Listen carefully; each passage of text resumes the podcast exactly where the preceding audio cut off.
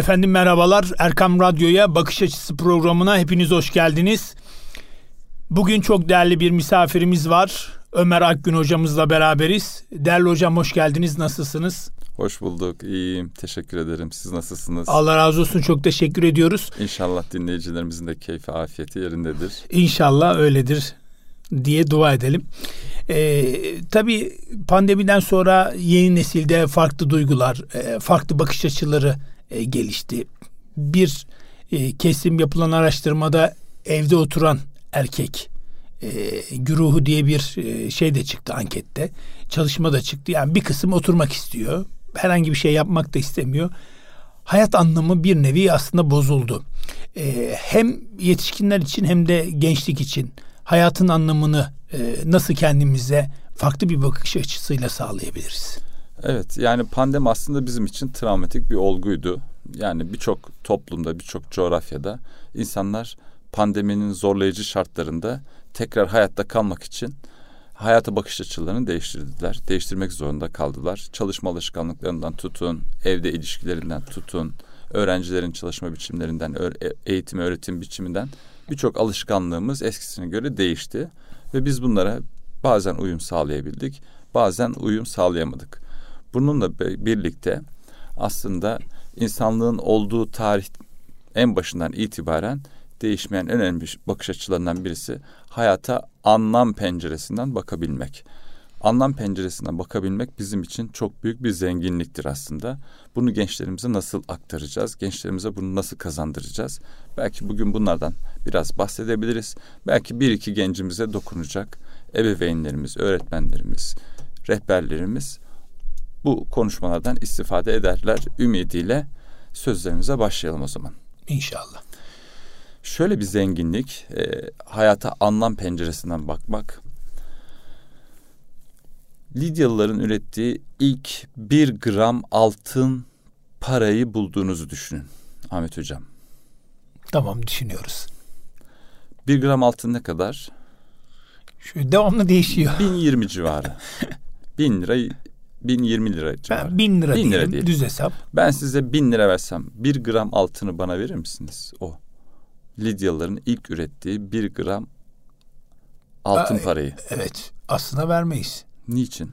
Çünkü yani ilk çıkan bir şey değerli, eski.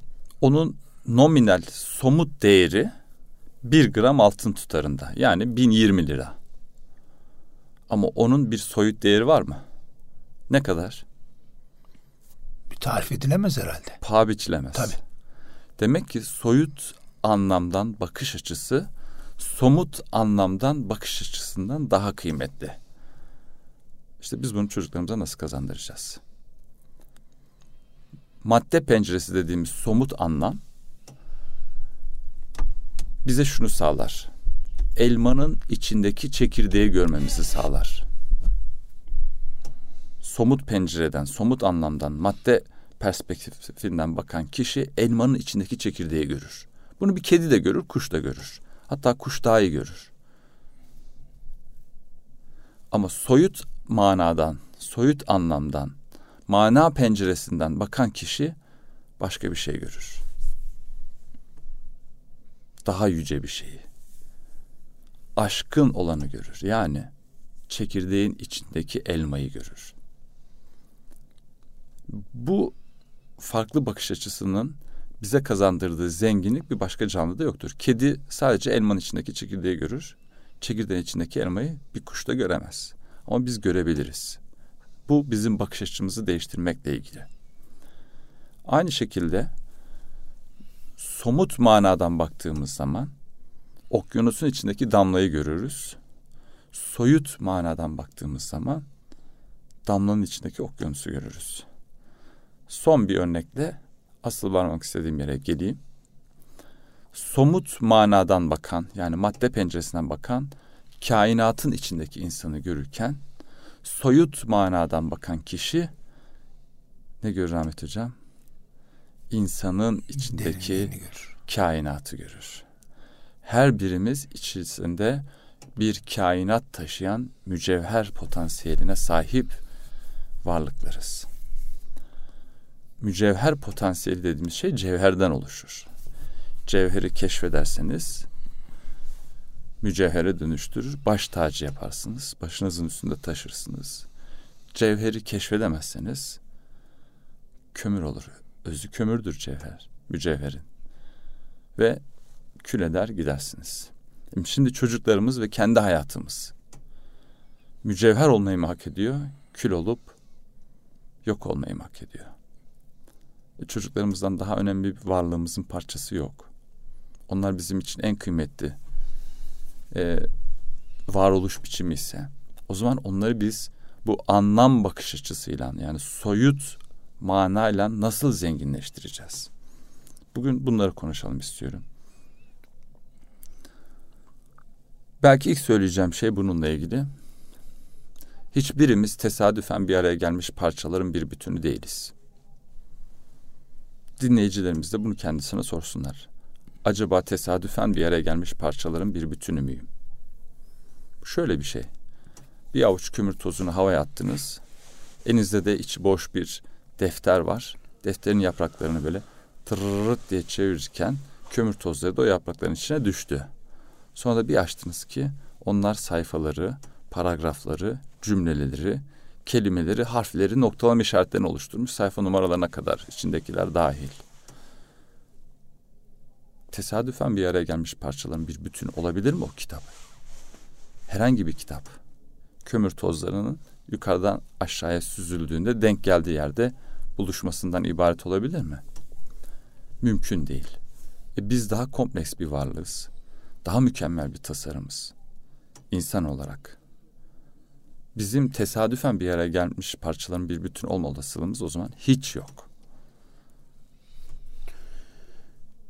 Tabii, ne dersiniz? E, tabii şimdi şöyle allah Teala Zülcü Hazretleri hepimize farklı yetenekler vermiştir. Aynen. Farklı bakış açıları vermiştir ama bu yetenekleri geliştirmek de tabii ki bizim elimiz. Yani oturarak olacak bir iş değil. Hani zatın muhteremin bir tanesi demiş ya madem beni Allah görüyor aç olduğumu da görüyor. O zaman bekleyeyim önüme gelsin. Bir bakıyor ki birinci gün kimse gelmiyor, ikinci gün kimse gelmiyor. Ama etrafında sebepler halk ediyor. Ha, diyor ki o zaman benim kalkıp bu sebeplere ulaşmam lazım. Aynen.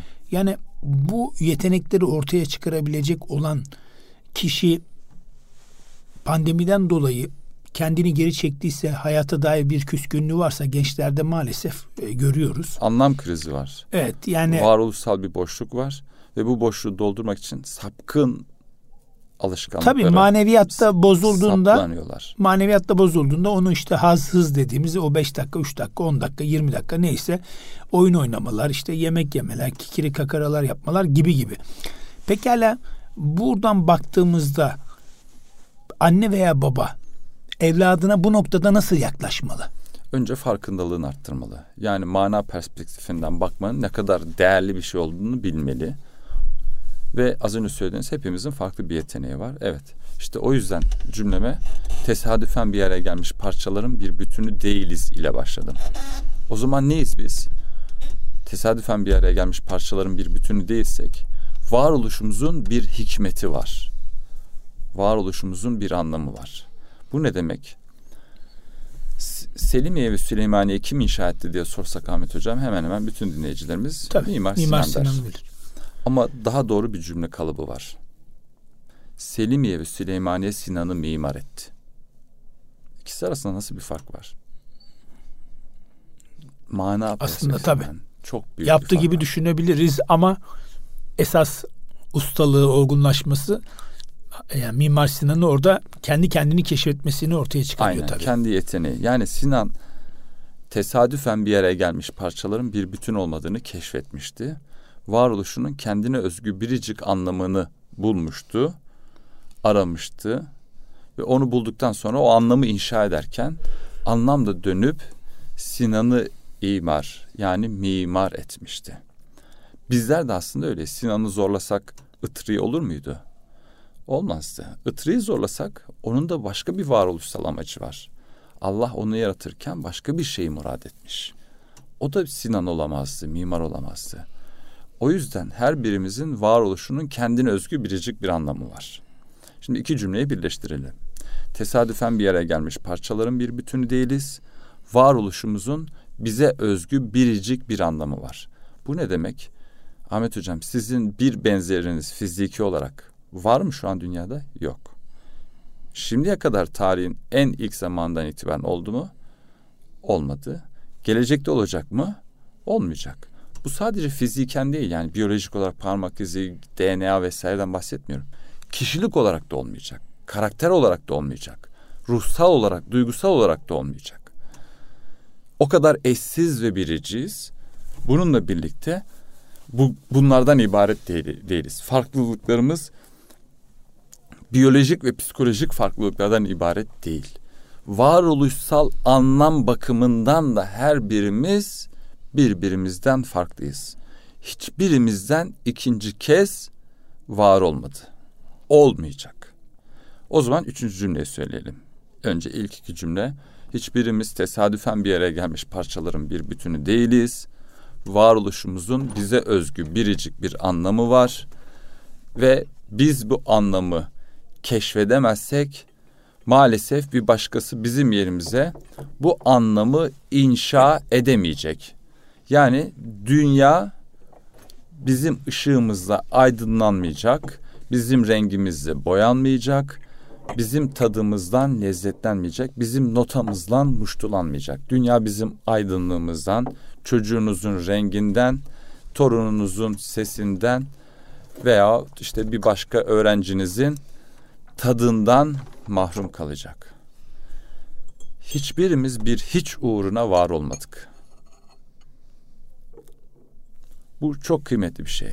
Hepimizin varoluşunun kendine özgü biricik bir anlamı var. Ve o anlamı biz keşfetmezsek bir başkası bizim yerimize o anlamı inşa etmeyecek. Dünya bizim ışığımızdan, aydınlığımızdan mahrum kalacak. O yüzden hiçbirimiz kendi ışığından dünyayı mahrum bırakmamalı. Hiçbirimizin çocuğunun ışığından, öğrencimizin renginden dünya mahrum kalmamalı. İşte insanın içindeki kainat zübde alem dediğimiz alemin özü çekirdeği tam olarak bu oluyor. Diyanet İşleri eski başkanımız Mehmet Görmez'in çok güzel bir sözü var. Burhanını kaybeden insan buhrana düşer. Derman arardım derdime, derdim bana derman imiş. Burhan sorardım aslıma, aslım bana burhan imiş dediği Niyazi Mısri'nin Burhan aslında insana yol gösteren kılavuz. Yani pusulası, yani içi. En uzun yol olan. Allah rahmet eylesin. Ömer Tuğrul İnançer'le. Evet Allah rahmet eylesin. Saadettin Acar'ın çok güzel bir programı vardı. Ee, onun girişinde en uzun yoldur insanın içi diye hani durmalıyız, durulmalıyız, durulanmalıyız. İçimize doğru bir yolculuğa çıkmalıyız. Ee, orada bahsediliyordu bu konudan. En uzun yoldur insanın içi. Evet hepimiz bu yolculuğa çıkmalıyız. Hepimiz her an bu arayışta olmalıyız. O yüzden ne mutlu arayanlara, arananlara, aramayı arayanlara diyelim. Evet. Tabii e, şimdi sizin mesleğiniz tabii ki psikologluk. Bu noktada da ciddi anlamda çalışmalar da yapıyorsunuz. Akademi çalışmalar da mevcut. Evet. E, yazarlık da bir bakıma devam ediyor. Biz yetişkinler gözüyle evladımıza baktık. Bir de evlat kendine nasıl bakmalı? Tamam. İşte bazı isyanlar söz konusu olabilir. Pandemi benim hayatıma, benim zamanıma denk geldi. Evet. Sıkıntılar geldi. Dünyada ekonomik kriz, başka buhranlar işte ben ne yapacağım? Gelecek tasviriyle ilgili baktığımızda e, sıkıntılar üst üste geldiğini düşünsek ve ergenlik döneminde üst üste koyduğumuzda ciddi anlamda bir buhran var. E, maneviyat ne kadar olduğunu bilmiyoruz. Tabii maneviyatın ciddi anlamda ağır basması aslında hayatın anlamını da ortaya yavaş yavaş çıkaracak. Bazı küçük sıkıntılar söz konusu olsa bile. Genç kardeşimiz bu eylemi nasıl harekete geçirmeli? Ya da nasıl harekete geçirebilir? Öncelikle bu konu çok kıymetli bir bakış açısı kazandırabilecek bir perspektifi yakalamamızı sağlıyor. Teşekkür ederim bunu İnşallah Allah razı olsun. Bunlara acılar, talihsizlikler, musibetler, istenmeyen olaylar diyebiliriz. Bu bir bebeğin de, gencin de, yetişkinin yaşlının da başına gelebilir. Hiçbirimiz herhangi bir talihsizlikten muaf tutulmuş değiliz. Her an herhangi bir musibetin isabet etme ihtimali hepimizin üzerinde kol geziyor. Durum böyleyken bize verilmiş bir garanti yokken bu talihsizlikler ya geçmişte ya hala hazırda ya da gelecekte bize isabet etmeye devam edecek. İki tür tepki verebilme e, eğilimi sergiliyor genel olarak insanlar. Birincisi sizin söylediğiniz gibi benim suçum günahım ne? Neden her şey bana karşı? Neden beni buluyor? Dünya bana karşı, hayat bana karşı deyip isyan etme eğilimi, eğilimi birincisi. Ama tek seçeneğimiz bu değil. Tercihlerimiz bundan ibaret değil. Başka se- başka seçenekleri de tercih etme potansiyelimiz var. Bu işte hayata bakış açımıza yani talihsizliklere karşı bakış açımızı değiştirebilecek çok önemli bir şey. Allah insanlarla konuşmaya devam ediyor olaylar diliyle. Yani Allah olaylar diliyle insanlarla konuşur. Nasıl tesadüfen bir araya gelmiş parçaların bir bütünü değilsek, bize isabet eden herhangi bir musibet de tesadüfen isabet etmiş olamaz. Onun da bir anlamı var. Yaşadığımız her şeyin bir anlamı olduğu gibi. Unutmayalım ki kilime vuranın niyeti kilimi dönmek değil, tozlarını silkelemektir. Bir ağacı budayan e, bahçıvana ağacın sen niye bana zarar veriyorsun demesi ne kadar komikse bir taşın heykel tıraşa sen niye bana vuruyorsun, niye beni kırıyorsun, döküyorsun demesi ne kadar komikse hayatta karşılaştığımız talihsizlikler, acı ve elem verici olaylar, musibetler aslında bizi olmak üzere var olduğumuz anlama götüren birer öğretmendir. Çünkü insanın olmak üzere var olduğu şeyle olduğu şey arasındaki fark bir gerilim oluşturur. Yaşadığımız musibetler bizi olmak üzere var olduğumuz şeye yaklaştıran sıçrama tahtalarıdır. Birer öğretmendir. Bizim zayıf bir yönümüzü güçlendirmeye gelmiştir. Tıpkı bir matematik öğretmeni gibi düşünelim. Ahmet Hocam öğrenciler de dinliyor. Öğretmenimiz var. Size iki basamaklı sayıları toplamayı öğretiyor. Ama bana artık üç basamaklara geçti. Dört basamaklara geçti. Beş, on. Artık bana üstü sayıları, çarpma işlemlerini, olası e, bilinmeyen bilinmeyen denklemleri öğretiyor. Size ama hala iki basamaklı sayıları öğretiyor. Ben bir gün kalkar şunu dersem öğretmenime. Ya bu öğretmenin benimle zoru ne? Niye beni sıkıştırıyor? Niye beni zorluyor? Benle bir derdi mi var? Ahmet Hoca'ya iki basamaklı basit şeyler veriyor. Bana beni darlıyor. Her seferinde böyle alnımdan teller akıyor. Yazık günah değil mi? Benim suçum, günahım ne? Desem doğru bir tavır almış olur muyum? Yarın bir gün ikimiz de bir sınava girdik. Orada da beş bilinmeyenli bir denklem sordular. İçinde toplama, bölme, çarpma her şey var. Siz o güne kadar sadece iki basamaklı toplama işlemleriyle meşgul olmuş bir öğrenci olarak orada nasıl bir hareket, eylem gösterebilirsiniz? Ben on bilinmeyen denklemleri bile geçmişte zorlanarak çözmüş birisi olarak o beş bilinmeyen denklemi çözerken nasıl çözerim?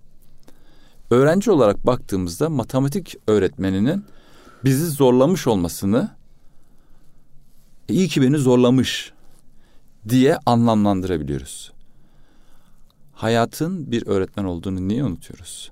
Hayat bizi matematik öğretmeni gibi zorluyor. Çok kıymetli bir şey söyleyeceğim. Mücevherden de bahsettik ya. Yumuşak taştan mücevher olmaz. Milyonlarca belki yıl baskı altında sertleşmiş, sabretmiş, tahammülünü güçlendirmiş taş mücevhere dönüşüyor. Biz cennette değiliz. Burası cennet değil. Burası imtihan alanı. Burası cennetin hapishanesi. Burada her şeyin güllük gülistanlık olmasını beklemek çok büyük bir aldanma. Her türlü talihsizlik bizim için var ama o talihsizlikler bize geldiğinde, o musibetler bize isabet ettiğinde bu inna lillahi ve inna ileyhi racun Ayet diyoruz ya. E, aslında orada sadece ölüye okun, okuduğu, okumayı bildiğimiz, zannettiğimiz bir ayet-i kerime. Bir musibet isabet ettiğinde ölüm tek musibet değil ki. Hastalık, Kaza. ekonomik kriz, eşinle anlaşamama, çocuğunla imtihan. Bunların hepsi bir musibet. Ölüm yokken, cenaze yokken de inna lillahi ve inna ileyhi raciun. Tabii bir imtihan. Aslında Allahü Teala Zülcelal Hazretleri imtihan ediyor. İhmal etmez. Aynen. Yani bizler bu konuyla ilgili bakış açımızı şöyle değiştirmeliyiz. Bir tabela düşünün. Şu tarafı gösteriyor, sağ tarafı diye ben izleyicilerimiz gözünde hayal etsinler. Ama bu tabela diğerlerinden farklı. Som altından yapılmış. Dünyanın en güzel pırlantaları, mücevherleri, yakutları, zümrütleri, elmaslarıyla süslenmiş, parıltılı, ışıltılı, göz kamaştırıcı bir tabela. Ama sağa gösteriyor. Siz de bu tabelayı görünce onun parıltısına, şaşasına aldanıp tabelanın altından daha iyi gidecek hiçbir yer olmadığını düşünürseniz o tabelanın altına çökerseniz tabela sizin son durağınız olur. Halbuki o tabela size gitmeniz gereken yönü gösteriyordu. Yani kim bilir bu kadar kıymetli bir tabelanın gösterdiği yön ne kadar kıymetlidir. Biz niye oyun ve eğlencesine bu dünyanın aldanıp çöküyoruz? Gösterdiği yön değil mi? Dünya hayatı oyun ve eğlenceden ibarettir. Biz niye o tabelanın altına çöküyoruz? Burası geçici bir yer. İşte biz tabelanın gösterdiği yere yani o talihsizliklerin, acıların, elem verici, ızdıraplı olayların dibine çöküp orada kala kaldığımız zaman o tabela bizim son durağımız oluyor. Yani biz o tabelanın parıltısına, ışıltısına aldanıp gösterdiği yönü ihmal edersek tabela bizim son durağımız oluyor. Halbuki bakış açımızı tabelanın gösterdiği yöne göre. Kendisi böyle güzelse gösterdiği yer ne kadar daha güzeldir. Diye baktığımız zaman bize isabet eden bütün musibetlere o zaman bunlara tahammül etme gücümüz artıyor. Talihsizliklerle daha kolay başa çıkabiliyoruz ve kendi iç dünyamızdan. Maalesef e, bakış açımızda bu mana eksikliği olduğu için maalesef pozitivist eğitimin, materyalist temelli alışkanlıklarından dolayı maddeci olarak baktığımız için bunu göremiyoruz. Bunu göremeyince de o zaman o tabelanın acı verici olayın bizi götürmek istediği, bizi öğretmek istediği şeyden mahrum kalıyoruz. Tabelanın dibine çöküp orada kala kalıyoruz. Yazık ediyoruz. Evet. Ee, çok kıymetli, çok güzel e, konulara değiniyoruz sevgili dinleyicilerimiz ama kısa bir ara verelim. İnşallah kaldığımız yerden devam edelim. Kısa bir aradan sonra programımıza kaldığımız yerden devam ediyoruz sevgili dinleyicilerimiz. Kıymetli dinleyenler Bakış Açısı programımız tüm hızıyla devam ediyor. Ömer Akgül hocamızla beraberiz. Kendisi hem psikolog hem yazar hem eğitimci. Ee, önemli e, durumlarda noktalarda çalışmaları var. Bir nevi akademisyen de ayrıca hocamız. Hocam e, ilk bölümde tabii farklı bakış açılarını konuştuk. Hem velinin hem çocuğun bir anlam bütünlüğünü nasıl sağlaması gerektiğini e, kıymetli sözlerinizle verdiğiniz örneklerle bize anlattınız. Pekala toplumda bir gerginlik var. Yani manevi boşluk da çok fazla bunu sadece Batı dünyası için söylemiyorum. Bizim dünyamızda da ruhumuzda da bir sıkıntı var. İslam dünyasında da bir bocalama, fetret dönemi geçiyor. Tabii ki bir toplumu bir aile oluşturuyor ama toplumsal olarak baktığımızda olayları da farklı bakamıyoruz herhalde. Aslında söylediklerinizin çoğuna katılmakla birlikte son 100 yılda İslam coğrafyasının yaşadığı başarısızlıkların yanında yaşadığı başarıların da son yüzyılda bu dönemde görüldüğü kadar daha çok görülmediğini düşünüyorum.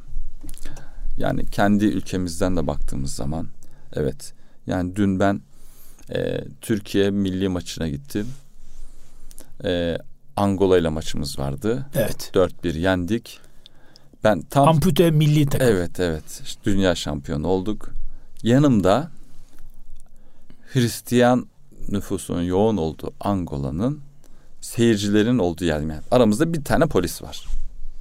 Ve kupayı vermeye Cumhurbaşkanı çıktığı anda yanındaki Angolalıların müthiş bir sevgisini gördüm. Hatta bir tanesi My, benim başkanım dedi. Benim başkanım Erdoğan I love you falan. Dedim bir daha söyle çekeyim. Vallahi çektim. Bu adam kapkara bir adam. Yani karalığına laf etmiyorum. O Ama anlamda, coğrafi anlamda. Coğrafi anlamda. Bizden çok uzakta bir adam. Bizimle dünya görüş açısından hiçbir şey yok. Ama bizim ülkemizin, bizim insanımızın hem pandemi sürecinde bakın gerçekten dünyanın en hayırsever milleti bizdik yani. Dünyanın birçok yerindeki çaresiz insanlara yardım eli olduk. Devlet olarak, sivil toplum kuruluşları olarak. Bu sadece pandemide değil, selde, depremde her zaman bununla da gurur duyuyoruz. Ama biz dünyanın içerisinde birçok insanlar tarafından sevilen bir e, yönetim Milletiz. anlayışına, millet ve kültür anlayışına e, Sahibiz. sahibiz. Hocam yani e, tabii pazar günkü maçtı hani dört gün önceki maçtı. Toplumlara baktığımızda geçmişte çok acılar çekmiş. Mesela Afrika, bazı Asya ülkeleri. Bunlar tabii ister istemez e, hani karşılıksız yardım edebilen bir milleti görmemiş. Ataları görmüş de, dedelerimizi görmüşler ama Kendileri e şimdi görmemiş. bunlar kendileri görmüyor ve biz e, biliyorsunuz ki Cumhurbaşkanımızın e, önderliğinde, liderliğinde e, yaklaşık 10 yıldır 10 yıldan da biraz da fazla Afrika'ya bir açılım var. Evet. Önceden Türkiye kendi kabuklarından sıyrılmış değildi.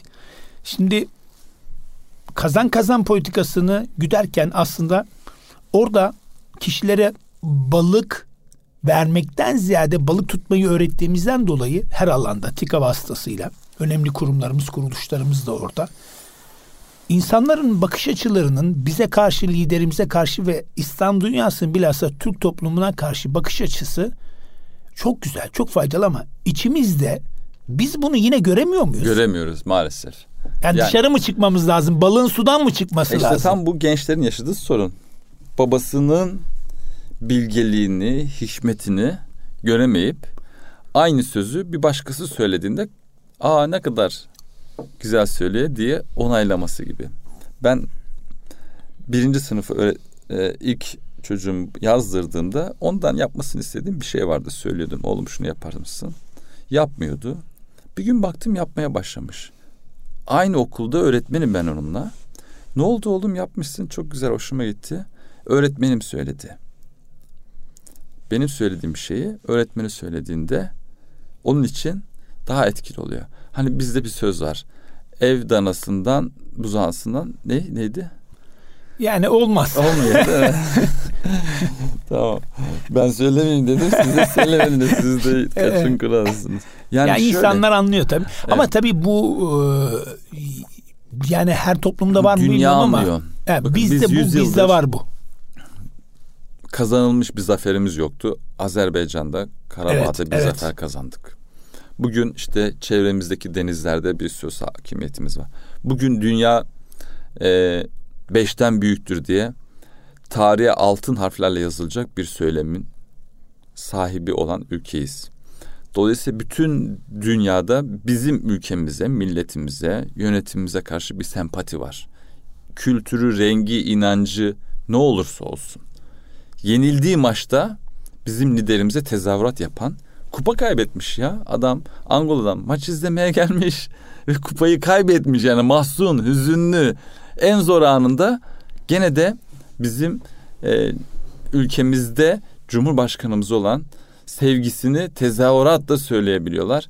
Bu çok kıymetli bir şey. Yani iyiye giden şeyler de var İslam dünyasında ama maalesef işte e, Kerbela hadisesinde olduğu gibi kardeşin kardeşe zarar verdiği durumları da yaşıyoruz. Bu tabii gençlerde büyük bir kafa karışıklığına sebep oluyor. Yani İslam bunu mu öğretiyor bize? Müslümanlık bunu mu öğütlüyor bize? O zaman bu Müslümanlık İslam nasıl bir şey? O zaman biraz, biraz daha şey yapıyor falan. Bir bakıyorsunuz bu çocuklar maalesef bir anlam krizine düşüyorlar. Çünkü Müslümanlar İslam'ı e, temsil etmeye güçlerini yetiremediği zaman o yanlış temsiller gençlerdeki anlam krizini büyütüyor. Bugün baktığımız zaman maalesef gençlerde bu boşluktan dolayı sapkın yönelimlere ilgi ve merak ve meyil var Allah muhafaza. Yani çok görüyoruz maalesef bu aralar. İşte bu dört harfli farklı cinsel eğilim olan oluşumun da kendi reklamını yapmasıyla gençlerimizde bu anlam krizini bastırmaya yönelik bir kaçış var. Yani şöyle söyleyeyim. insan kendi varoluşunun anlamını keşfedemediği zaman olmak üzere var olduğu şeyin olduğu şeyden farklı olduğunda oluşan gerilimden kurtulmak ister. Dedik ya olmak üzere var olduğumuz şeyle olduğumuz şey arasındaki fark bir gerilim oluşturursa bu gerilimi teskin etmek için başka bir şeye müracaat ediyor. Yani nasıl siz işte bir e, dişiniz ağrıdığında ağrı kesici atıyorsanız, mideniz bulandığında bir mideyi teskin edici hap atıyorsanız, ruhunuz da karıştığında bu sefer bu karışıklıkla başa çıkmak için, onu sümen altı etmek için sapkın arayışlara işte bu dört harfli oluşumlar olsun, bağımlılık yapıcı maddeler olsun, hayatın anlamsız anlamını kaybetme hatta hayatına son verme girişimleri olsun. O kadar yaygınlaştı ki bunlar şimdi. Ve hani e, bu son zamanlarda da çokça zikredilen e, özellikle İmam Hatip öğrencilerinde hani İmam Hatip ruhuna uygun olmayan işte giyimleri, Davranışlar. kuşamları, davranışları, tutumları. Hani bunlar aslında içlerinde bulunduğu bir anlam krizinin dışarıya yansıması. Ben burada o kötü olumsuz şeylerin isimlerini söyleyerek reklamını yapmak istemiyorum. Yapmasınlar zaten. Aslında şöyle e, yani tüm okullarımızda sadece lisede değil ortaokulda da ciddi anlamda sıkıntılar var. Mesela ilkokulda çocuk arkadaşının elindeki telefonu görüp hemen babasına benim niye bir telefonum yok deyip sonra hasbel kadar eski bir telefon tabii ne yapacak yani dördüncü sınıfa giden çocuğa herhalde çok ciddi bir yüksek rakamlı bir telefon alınması da pek doğru değil. Aldığında da beğenmemesi ya bunu mu kullanacağım demesi. Çünkü hayata maddi pencereden bakan kişiler mana penceresindeki bakan kişiler kadar tatmin olmazlar. Madde doyumsuzdur. Mana perspektifinden bakarsanız mutmain olursanız yani şöyle söyleyeyim.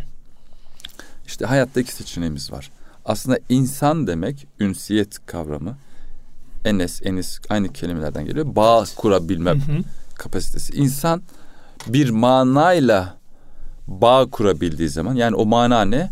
Varoluşunun kendine özgü biricik anlamıyla bir bağ kurabildiği zaman o zaman sükun buluyor ve huzurlu, mutlu oluyor ve başarılı oluyor. Ve o anlamı inşa ederken o anlamda dönüyor kişiyi inşa ediyor.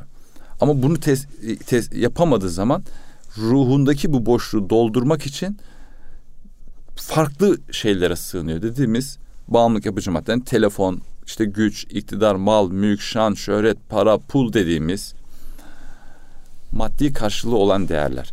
Çünkü akıl kelimesi de aslında iki soyut kavramı birbiriyle ilişkilendirmek anlamında kullanıyor ve bizi diğer insanlardan ayırt eden en önemli meziyetimiz. Böyle olunca da insanın bir bağlanma eğilimi var. Ya hayatın anlamına bağlanacak ya da bu anlamı keşfedemeyip işte o gerilim oluşacak. O gerilimi bastırmak için de başka yollara başka yollara tevessül ediyor. Teskin etmek için. Bunlardan birisi gösteriş. Bunlardan birisi sosyal medyada beğeni almak. Yani bunlardan birisi ruhunu aslında tatmin edemiyor ama ayet-i kerime var. Tabii kendisini bunu da var etmek için başka yollar arıyor. Tabii. Olması gereken yolun Aynen. dışında başka yollar arıyor. Bu işte adını dört harfli söylediğimiz farklı cinsel eğilimler gösterip var Kalp, olmaya çalışıyor. Kalpler ancak Allah'ı teskin ettiğinde evet. ne olur? Sükunet olur. olur. Aynen. Ee, o atmosferi yaşamadığı için de sizin söylediğiniz gibi Boşluk hayata dolduruyor. maddi pencereden baktığından mütevellit mana penceresini ihmal ediyor. Bu mana sefer de ne oluyor? Uyuşturucu, kafaya sıkma, intihar, Aynen. başka türlü Eğilimler, insan öldürme veyahut da boşluk yani duygusu, işte anlamsızlık jumping duygusu. işte dediğimiz bir atlıyorsun hop yani ipe bağlısın. İp kopar mı, kopmaz mı, uzun mu bilemediğin köprüden atlayıp bir adrenalin yaşamaya Aynen. çalışıyorsun. Aynen öyle hocam. Ee, durum o zaman iyiye doğru gitmiyor ama tabii gidiyor. Ümit kötü var evet işte şunu demek istiyorum. Ee, kötü bir dünyada yaşıyoruz ama iyileri arttırırsak, iyilikleri arttırırsak inşallah o kötülerin de üstünü kapatabiliriz. Şu an iyilerin daha çok arttırıldığı bir dünyada yaşıyoruz. Elhamdülillah. Şükür. Yani insan hayatı bir manayla anlamlandırırsa hayatı inşa ediyorken hayatı maddeyle anlamlandırırsa imha ediyor. Yani mana bizi inşa ederken madde bizi imha ediyor. Hocam onu bir daha alalım. İnsan veya genç hayatı bir manayla anlamlandırırsa hayatı ve kendini inşa ederken bunu başaramaz da hayatı bir maddeyle anlamlandırma peşine düşerse bu sefer imha ediyor. Yani mana hayatı inşa ederken madde insanı imha ediyor. Mana insanı tatminkar, mutmain ve itminan sahibi yaparken madde doyumsuz hale getiriyor. Düşünün yani bağımlılık yapıcı bir madde kullanan her seferinde daha yüksek doz, para ile hayatı anlamlandıran daha çok para, makamlı mevkiyle hayatı anlamlandıran daha yüksek mevkiler, güç, şan, şöhret, beğeni isteyen kişiler daha çok, daha çok, daha çok da ömrünü o maddenin kölesi haline getirirken hayatı bir manayla anlamlandıran kişiler ise o maddeyi esir alıyor. Esir olmuyor, özgürleşiyor aslında. İşte biz belki burada gençlerimize şunu öğüt, öğütlemeliyiz. Soruyoruz ya onlara. Hatayı biz yapıyoruz. Hayattan ne bekliyorsun diye sor, soruyoruz. Hayattan ne bekliyorsun? Evet. Çok saf, masumane bir soru gibi geliyor. Aslında o kadar sinsi bir soru ki. Hayattan ne bekliyorsun? Çocuklar iki tür cevap veriyor. Bir soyut beklentiler, iki somut beklentiler. Somutlara örnek verirsek sağlık, başarı, kariyer, mutluluk e, gibi somut kavramları örnek verirken para, pul, şan, şöhret gibi güç, iktidar, itibar vesaire derken tanınırlık. Soyut beklentilere baktığımız zaman söylediğiniz mutluluk, huzur, bütünlük arzusu gibi şeyler karşımıza çıkıyor. Tabii ki bir insan hayattan kariyer beklemeli, başarı beklemeli, değil mi? Para, güç, iktidar, güçlü olmalıyız. Ama bunlar hayatın amacı değil aracı haline getirebilirsek kıymetli. Ee, burada hep herkesin de çok iyi tanıdığı Ahmet Zilan amca ile ilgili bir öykümüz var. Onu vakit kalırsa Allah rahmet eylesin. İnşallah Allah rahmet eylesin. Onu da anlatalım burada. Eğer kişi hayatı bir manayla anlamlandırırsa ne dedik? O mana da insanı anlamlandırıyor. Olmak üzere var olduğu şeyi var ettiği için. Buna verilen cevaplar hani dedik ya soyut cevaplar neydi? Mutluluk, huzur, bütünlük duygusu. Somut cevaplar sağlık, para, pul, makam, mevki, şan, şöhret, güç, iktidar. Cevapların hepsi doğru. Bunları istemek hakkımız. Ama soru yanlış. Hayattan ne bekliyorsun? Sorusu yanlış. Yanlış sorunun doğru cevabı olmaz. Nasıl sormalıyız? Hayattan ne bekliyorsun sorusu yanlış hayat senden bir şey yapmanı bekliyor olabilir mi? Ve sen onu keşfetmezsen Bir başkası senin yerine dünyayı o ışıkla aydınlatmayacak.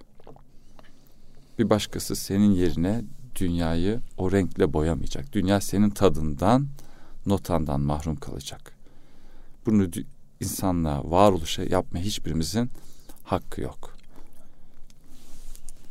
Çünkü bu çok önemli bir mesele. Olmak meselesi. Olmak ve ölmek arasında ol ve öl mastarlarına baktığımız zaman ol, öl. iki nokta fark var. Bu noktalardan bir tanesi ölmek için bile önce olmak lazım. Olmazsan çünkü ölemezsin. Olmadıysan zaten ölü doğmuşsun. Bu birinci nokta. İkinci nokta ise olursan ölümsüz olursun. Biz ölümsüz olmaya geldik.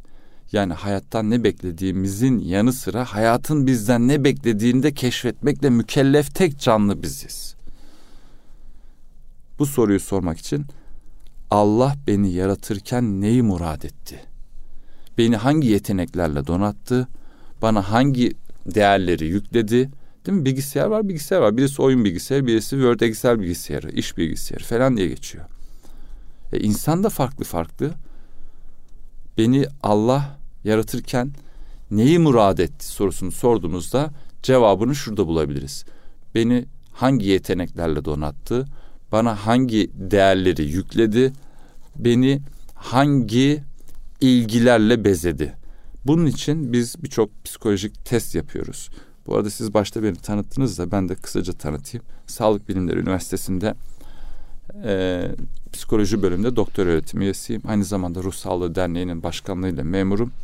Ve e, Erkam Radyo'nun yayın yaptığı şu anki e, lokasyonu çok yakın bir yerde. Küçük Çamlıca'da gene e, Kim Psikoloji Kariyer İstihdam Merkezi'nde de kariyer ve istihdam yani kariyer gençlerin varoluşsal kim adını adı da kim yani kimsin sen kimim ben kim olduğunu bilmeden adım atamayız yani e, psikolojik danışmanlık merkezimizde gençlere ve ailelere yönelik de böyle hizmetler veriyoruz. Eşim de benim psikolog. 20 kadar meslektaşımla oradayız. En çok maalesef gençlerde bu anlam krizini görüyoruz. Varoluşsal boşlukları görüyoruz. Bunları çözmek için de gayret ediyoruz. Son vaktimiz varsa Ahmet amcayı da bir analım. Tamam olur. Ee, vaktimiz bitmek üzere. Buyurunuz. Allah rahmet eylesin. Ahmet amcayla tanışmam şöyle. Hani dedik ya az önce hayatı maddeyle anlamlandıranlar, manayla anlamlandıranlar. Manayla anlamlandıranlara örnek verebileceğimiz isimlerden birisi Ahmet amca. Ee, lisedeyim ama o zaman ortaokul lise beraber okuyoruz. Ortaokul öğrencisiyim. Arkadaşlarım işte gazoz parası, sakız parası bulmuşlar. Nasıl harcadıklarını ballandıra ballandıra anlatıyorlar. Ya dedim bir dondurma parası bile bulamadım ki ben dedim.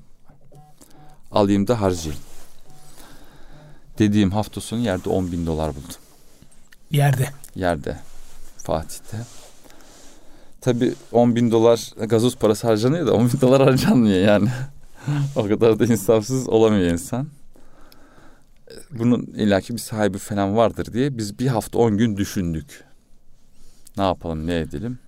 Para bulduk dersek herkes sahiplenir. Para kaybettik diye dolaşıyoruz. 10 bin dolar bulduk. İşte 5 bin mark kaybettik. O zaman mark da vardı. Esnaf dolaşıyoruz. Ka- bulduğumuz yerde. Bir tanesi dedi kardeşim dolar kaybeden de bana geliyor. Mark kaybeden de bana geliyor. Hmm, tamam. Kim kaybetmiş dedik dolar? İşte bir tane amca. Selamun aleyküm aleyküm selam. Param bizde dedik. Sonradan öğrendim ki o parayı da arayan Ahmet amca değilmiş. Çünkü hmm. o gün öğrendiğim bir şey Ahmet amcanın maddiyata verdiği değersizliği gösteriyor. Ahmet amca Hüdayi Vakfı'na bağışlamış. Para düşmüş. Para düşünce Ahmet amca üzülmüş. Tabii kendisinden çıktı artık. diye üzülmemiş. İşte biz öyle üzülürüz. O ne diye üzülmüş? Demek ki benim rızkıma haram karışmış. Allah onu masum günahsız yavruları nasip etmedi diye üzülmüş. Bir on bin dolar daha bağış yapmış. Biz on gün geciktik dedim ya. On gün ne yapacağız bu parayı falan. On bin dolar hocam o zamanlar ya Bugün bir tane araba alamıyorsun. O gün İstanbul'da apartman alırdın. Doların hani şöyle düşünün. Cowboy filmlerinde Wanted. Ölüsünü veya dirisini getirene 100 dolar. 50 dolara yani adam vurdukları dönemde 10 bin dolar çok büyük bir para. Tabii şimdi vakfa hibe ettiği için o paranın kaybolması tabii üzücü bir durum kendisi açısından. Gitmiş borç almış. Bir daha ikinci bir 10 bin doları yokmuş onu verdiği zaman. Yani 15 bin doları vardı gibi düşünün bilmiyorum rakamı. 10 binin verdiğinde ikinci bir 10 bin olmadığı için 5 bin kalmış gitmiş dışarıdan biraz da borç almış. Biz gittiğimizde ikinci kez o para verilmiş zaten. O kaybolsa rızkımdan haram çıkana kadar ben bunu bir daha vereceğim şuuruyla verilmiş. Ve parası gelince sevindi. Param geldi diye değil. Demek ki rızkıma haram karışmamış. Haram Yeminle olsun o paranın kuruşuna dokunmadı. Bin dolarını bana verdi. Beş bin dolarımı okula verdi. Dört bin kalanı da dağıttı gözümüzün önünde. Dedi ben zaten altı ay süreliğine borç almışım. Altı ay sonra onları gene öderim Allah nasip ederse. Ben şu an bu gelen parayı dağıtıyorum dedi. Sevincinden dağıttı. Ahmet amca ayakkabı tamirciliğinden dünyanın en büyük ayakkabı üreticisi olmuş markalardan birisini Allah nasip etmiş. Ama vererek Tabii. zenginleşmiş bir insan olduğunu siz benden daha iyi biliyorsunuz. Estağfurullah. Yani Ahmet amcanın hikayesinde şunu çok net görüyoruz. Ne kadar verirsek inanın Allah o kadar veriyor. Hikayede, Hatta daha fazlası. Aynen. E, bu zaten e, çok net bir formülasyon. Ahmet amcanın maddeye verdiği değer bir araç. Maddeye değer vermemiş mi? Vermiş. Ama hiçbir zaman amaç yapmamış. Daha başka hikayeleri de var da inşallah başka zaman. İnşallah başka zaman. Ee, değerli, Allah rahmet eylesin. Allah rahmet eylesin. Ee, Ömer Akgün hocamızla e, çok keyifli, çok tatlı sohbetimizi maalesef burada tamamlamış bulunmaktayız. Hocam Soruları çok teşekkür olan, ediyoruz. olan izleyicilerimiz olursa e, Google Ömer Akgül yazsınlar. Telefonum, e, sosyal medya hesaplarım, e-mail adresim Google'da hemen en üstte çıkıyor. Hemen hemen ulaşılır. Çocuklarla ilgili, ailelerle ilgili danışmak istedikleri konular olursa çocuğumun yetenekleri, ilgileri, değerleri, çocuğumun varoluş amacı veya çocuğum şöyle bir sapkınlığa düştü, dört harflilerin peşinde gidiyor veya ne bileyim işte bağımlılık yapıcı bir madde var veyahut anlam krizi var boşlukta e, intihar etmesinden korkuyoruz vesaire vesaire gibi hani bazı değerleri yani iş sadece psikolojik danışmanlık değil felsefi ve manevi danışmanlık boyutu da var. Evet. Bir ihtiyaç olursa arkadaşlarımız destek olmak üzere hazırız. Allah razı olsun. Çok teşekkür ediyoruz zaman ayırdığınız için. Estağfurullah. Ben teşekkür ederim dinledikleri için. Eyvallah. Allah razı olsun. Ee, kıymetli dinleyenlerimiz Bakış Açısı programımızı burada tamamlıyoruz. Bu program ve daha önceki programlarımıza ulaşabilmek için erkamradyo.com web sayfamızdan bizlere bizim programlarımızı dinleyebilirsiniz. Önümüzdeki hafta aynı gün ve saatte tekrar görüşmek ümidi ve duasıyla Allah'a emanet olunuz.